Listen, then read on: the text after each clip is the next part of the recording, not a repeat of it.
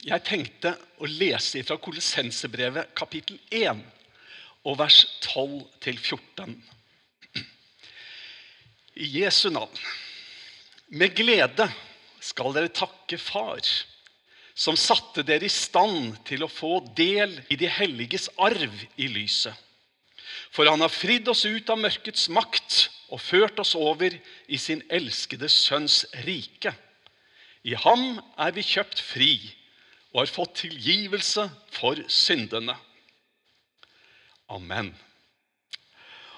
Og jeg tror vi må si det at Når vi ser på, på disse ordene og disse versene, så erkjenner vi at uh, her, er det, her er det et budskap som trengs å reflekteres over og ja, tenke på, gjerne grunne på og samtale om. Og, uh, jeg skulle ønske at vi alle sammen nå hadde sittet i en nydelig stressless og, og hatt en kopp kaffe og et gullbrød eller en halvliter cola ville jo noen av oss ha valgt. da. Og så, og så sitte og kosa oss med disse bibelordene. Og dere, Sånn er jeg skrudd sammen. At eh, jeg, jeg, får lov til å sitte sånn, og gjerne da med, med datamaskinen på, på, fanget, sånn at jeg kan lese litt rundt forbi og lytte inn hva andre har tenkt. Da er det, da er det fest i heimen, synes jeg. Men det å sitte og tenke og grunne over disse bibelordene Det er ikke bare å favne og, og prøve å forstå på egen hånd. Men å få lov til å si, 'Kjære Gud, må du komme med din hellige ånd.' Åpne vårt indre øye, så at vi kan se og forstå, og at Ånden kan tale til oss gjennom ordet som han har gitt oss, du vet, da, da, blir det, da blir det fest ut av det. Når du ser på dette bibelverset, så kan du se at uten å forandre på et eneste ord, så går det an å sortere det, ikke i en annen rekkefølge, men bare med noen markeringer. For vi kunne ha lest det slik som dette. Med glede skal dere takke Far som satte dere i stand til å få del i de helliges arv. For han har fridd oss ut av mørkets makt og ført oss over i sin elskedes rike. I ham er vi kjøpt fri og har fått tilgivelse for syndene. Du, Paulus her i Kolossensebrevet han skriver en overskrift som jeg har tillatt meg å oppfatte sånn. Med glede skal dere takke Far. Og så gir han oss fem takkeemner som skal få lov til å være med og inspirere oss, og som skal være med på å lede vår tanke og refleksjon til alt hva Gud har gjort for oss. Og dere, når jeg leser disse tekstene og tenker og lar de arbeide i meg Vi har så mye å takke Gud for. Og av og til så føler jeg det blir så, det blir så smått, det jeg holder på med. Hvis det eneste jeg holder på med, er å tenke på mine egne behov og be for uh, hva jeg trenger hver eneste dag, og alt dette Og be om at jeg ikke må bli forkjøla, og hvis jeg blir forkjøla, at jeg snart må bli frisk, og alt dette greiene her. Jeg mener ikke å si at ikke vi ikke får lov til å komme til Gud med det. For vi får lov til å komme med alt. Men det er noe som er større enn det som bare dreier seg om mitt behov. Og Når jeg leser disse tekstene, hva vi har å komme innenfor Gud med og takke ham for, så er det noe stort. Tenk hva vi har fått i Kristus. Dere, eh, Gud som lærer oss i sitt ord at vi skal takke alltid. Efeserne 5.: Takk alltid vår Gud og Far for alt i vår Herre Jesu Kristi navn. Og et, En annen formulering i 1. Tessalonikerne 5 som jeg synes kan være litt vanskelig. Takk Gud under alle for, for dette er Guds vilje med dere i Kristus Jesus. Altså Uansett om du skulle være forkjøla, eller det som verre er. Å takke Gud under alle forhold. Men da må vi flytte fokus litt bort fra oss selv til det som Gud har gjort for oss. Som satte dere i stand til å få del i de helliges arv i lyset. Tenk, du. Det er noe å takke for. Han har jo satt oss i stand til noe. Til å få ta del i de helliges arv i lyset. Og Dette tror jeg nok har både et evighetsperspektiv og et perspektiv som kanskje går mer på den lokale samtalen da dette ble skrevet, ved tanke på at jødene har fått tatt del i den samme arv, eh, at de hedningene har fått tatt del i den samme arv som de kristne jødene hadde. Som Guds utvalgte folk. Hele jødefolket var kalt inn til. Og dette har vi alle sammen fått tatt del i. Så det har nok en, en nær referanse. Men mest så tror jeg det har en referanse retta imot det himmelske. Og dere, her jeg står foran dere, så kan jeg komme med en sånn bekjennelse at jeg er gjort i stand til å få ta del i denne hellige arv. Og Hvis ikke du synes det er en liten bekjennelse, så forstår ikke jeg. Tenk at jeg er gjort i stand til det. Og du er jo også gjort i stand til det. At vi ved Guds nåde blir istandsatt. Um, Også dere var en gang fremmede og fiender av Gud i sinn og tanke med de onde gjerningene deres. Men nå har Han forsonet dere med seg, står det bare litt før i dette kapitlet. Det er Guds verk. Og i denne sammenhengen, når vi snakker om arv, så har jeg så lyst til å dele med deg fra 1. Peter. Bare hør her. Lovet være Gud, vår Herre Jesu Kristi Far han som sin rike miskunn har født oss på ny til et levende håp med Jesu Kristi oppstandelse fra de døde. Til en arv som aldri forgår, aldri skitnes til og aldri visner. Den er gjemt i himmelen for dere. Hele Paulus sitt fokus i denne sammenhengen Vi kunne dratt det i så mange retninger. For når vi snakker om arv, så snakker vi om på mange måter barnekår Altså Den retten som vi har som Guds barn, det at vi er Guds arvinger, Kristi medarvinger. Dette har Gud satt oss i stand til, og dette får vi takke Gud for. Kjære Gud, takk for at du har satt oss i stand til dette. Til å være arvinger. Til å kunne vite at det som Jesus har fått, får vi ta del i. Altså hans arverett, for vi er Guds arvinger, Kristi medarvinger. Dette er tatt i vare Dette blir tatt i vare av Gud selv.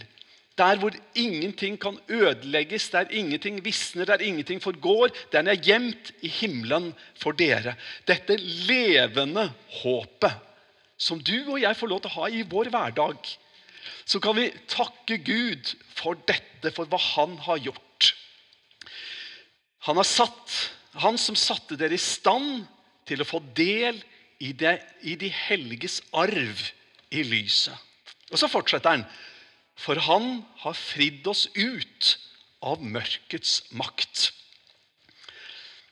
I denne sammenhengen, og det kommer jo i frasen etterpå, så ser vi det er fra noe til noe annet. Altså, det er, det er, vi er fridd ut fra mørkets makt, og så blir det om at vi er fridd, eller satt inn, eh, inn i, i, i, det himmelske. Den relasjonen. Fra mørkets makt til hans elskede sønns rike, som det står. Du vet, Da jeg var jeg hadde nær sagt yngre, men det er feil å si det. Da Da jeg var ung og vi var ute på gatene og, og, evangeliserte, så prøvde vi å si til de folka vi møtte, at dere er så ulykkelige. Dere har det så fælt. Det er bare vi kristne som har ekte glede. Og hvis dere tror dere er lykkelige, så tar dere så feil. Det er en litt karikert, men det var jo sånn vi tenkte. Og det rare er at det er jo ikke helt feil. Men, men, men, men det blir, det blir nokså grunt, og det blir nokså meningsløst. Og det er en kommunikasjon som kommuniserer nokså dårlig. Men, men allikevel Bibelen lærer oss at det er en mørkets makt som binder de som ikke er blitt satt fri. Og det er vel noe som ikke vi skal benekte, og som vi ikke skal skjule, for vi tror at Kristus kom for å sette oss fri ifra det som binder.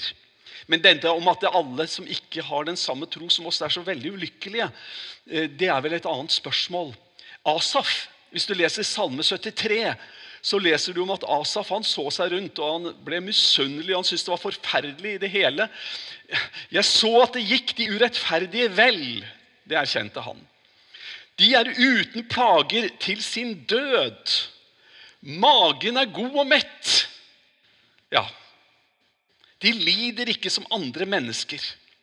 Det var hans observasjon da han så de ugudelige. Og så sier han, 'Forgjeves har jeg holdt hjertet rent og vasket hendene i uskyld'.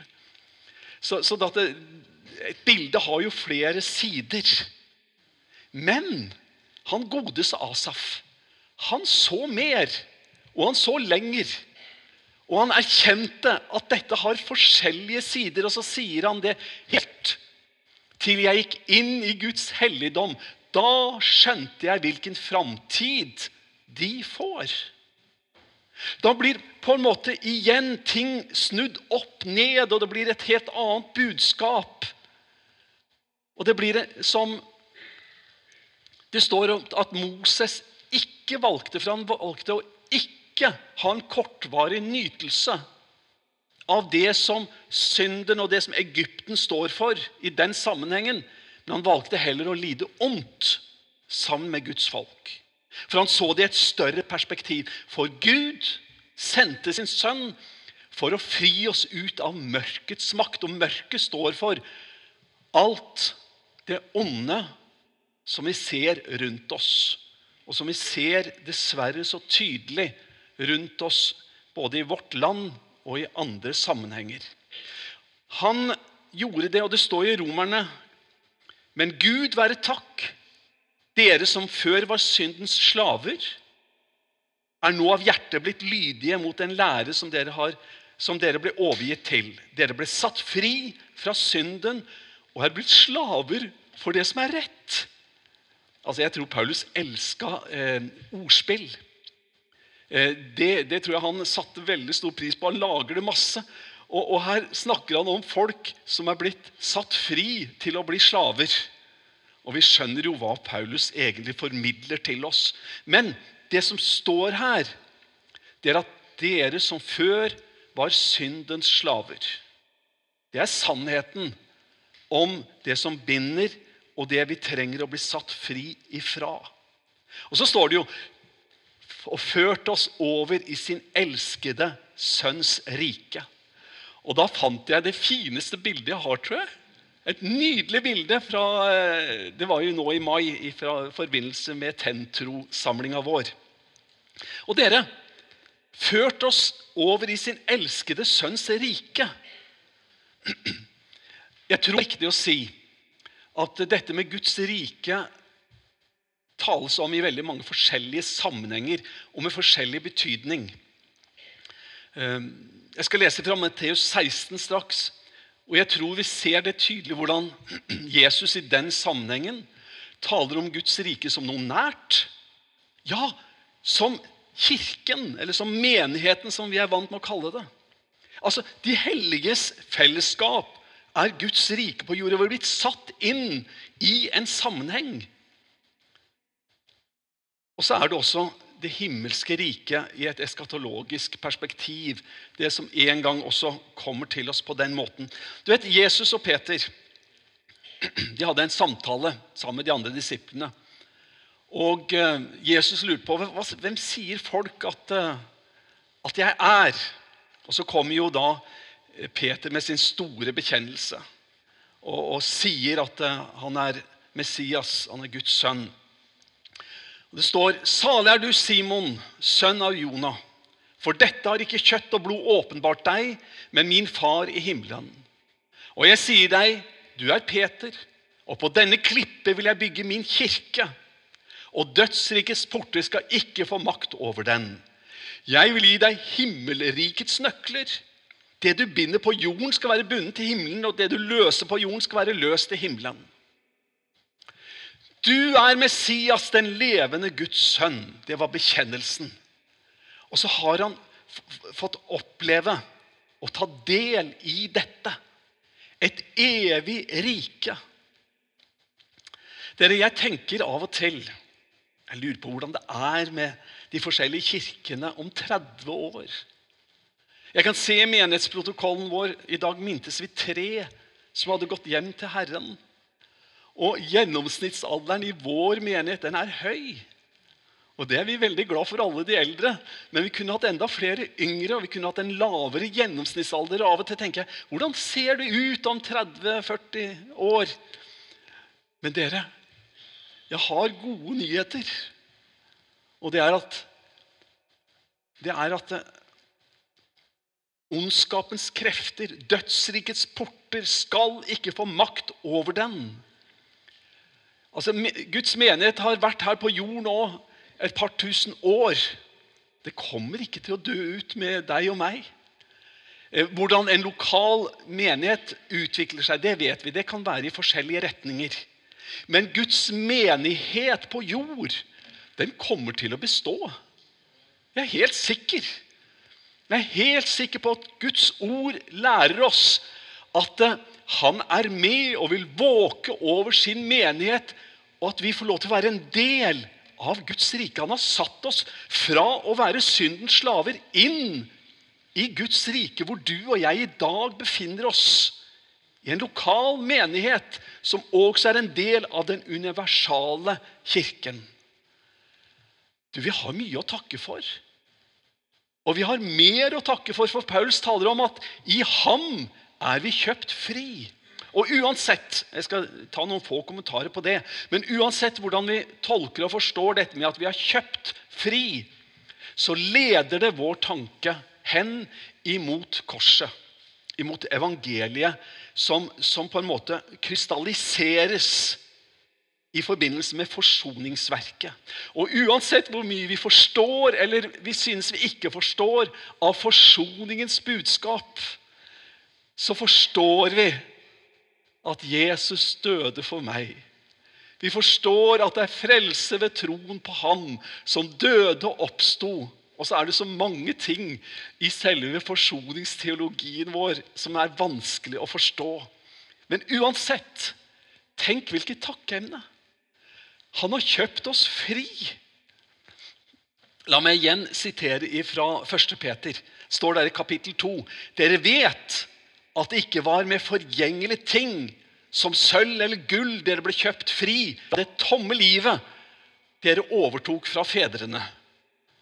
Det var ved Kristi dyrebare blod, blodet av et lam uten feil og lyte, som utlegger Peter det for oss.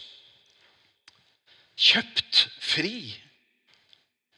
Noen tenker, og det var vel mest vanlig i litt tidlig kirkehistorie, at eh, Jesus kommer, betaler en pris og kjøper oss fri fra djevelens makt. altså Gjør en forhandlingsløsning med, med, med den onde selv og kjøper oss fri og betaler. Og så blir vi satt fri. Og heldigvis så tror jeg ikke det var det som skjedde. Vet du hva? Djevelen har aldri hatt noe rettmessig krav på noe som helst. Djevelen kan ikke selge noe som helst. Han har ingen rett, han har ingen legal makt over noe. Det er vi som har vendt oss bort ifra Gud, og vi har aldri syndet det fnugg imot djevelen. Det er imot Gud vi har syndet. Og, og, og, hva det ligger i at han har kjøpt oss fri. Altså Anselm, som levde ja, i, i det, han, han, han døde i 1109. Han var erkebiskop i Canterbury italiensk eh, filosof og teolog og, erkebiskop. Han, han, hadde jo en helt annen tankegang når det gjelder dette med å bli kjøpt fri. Han hadde et fokus på balanse.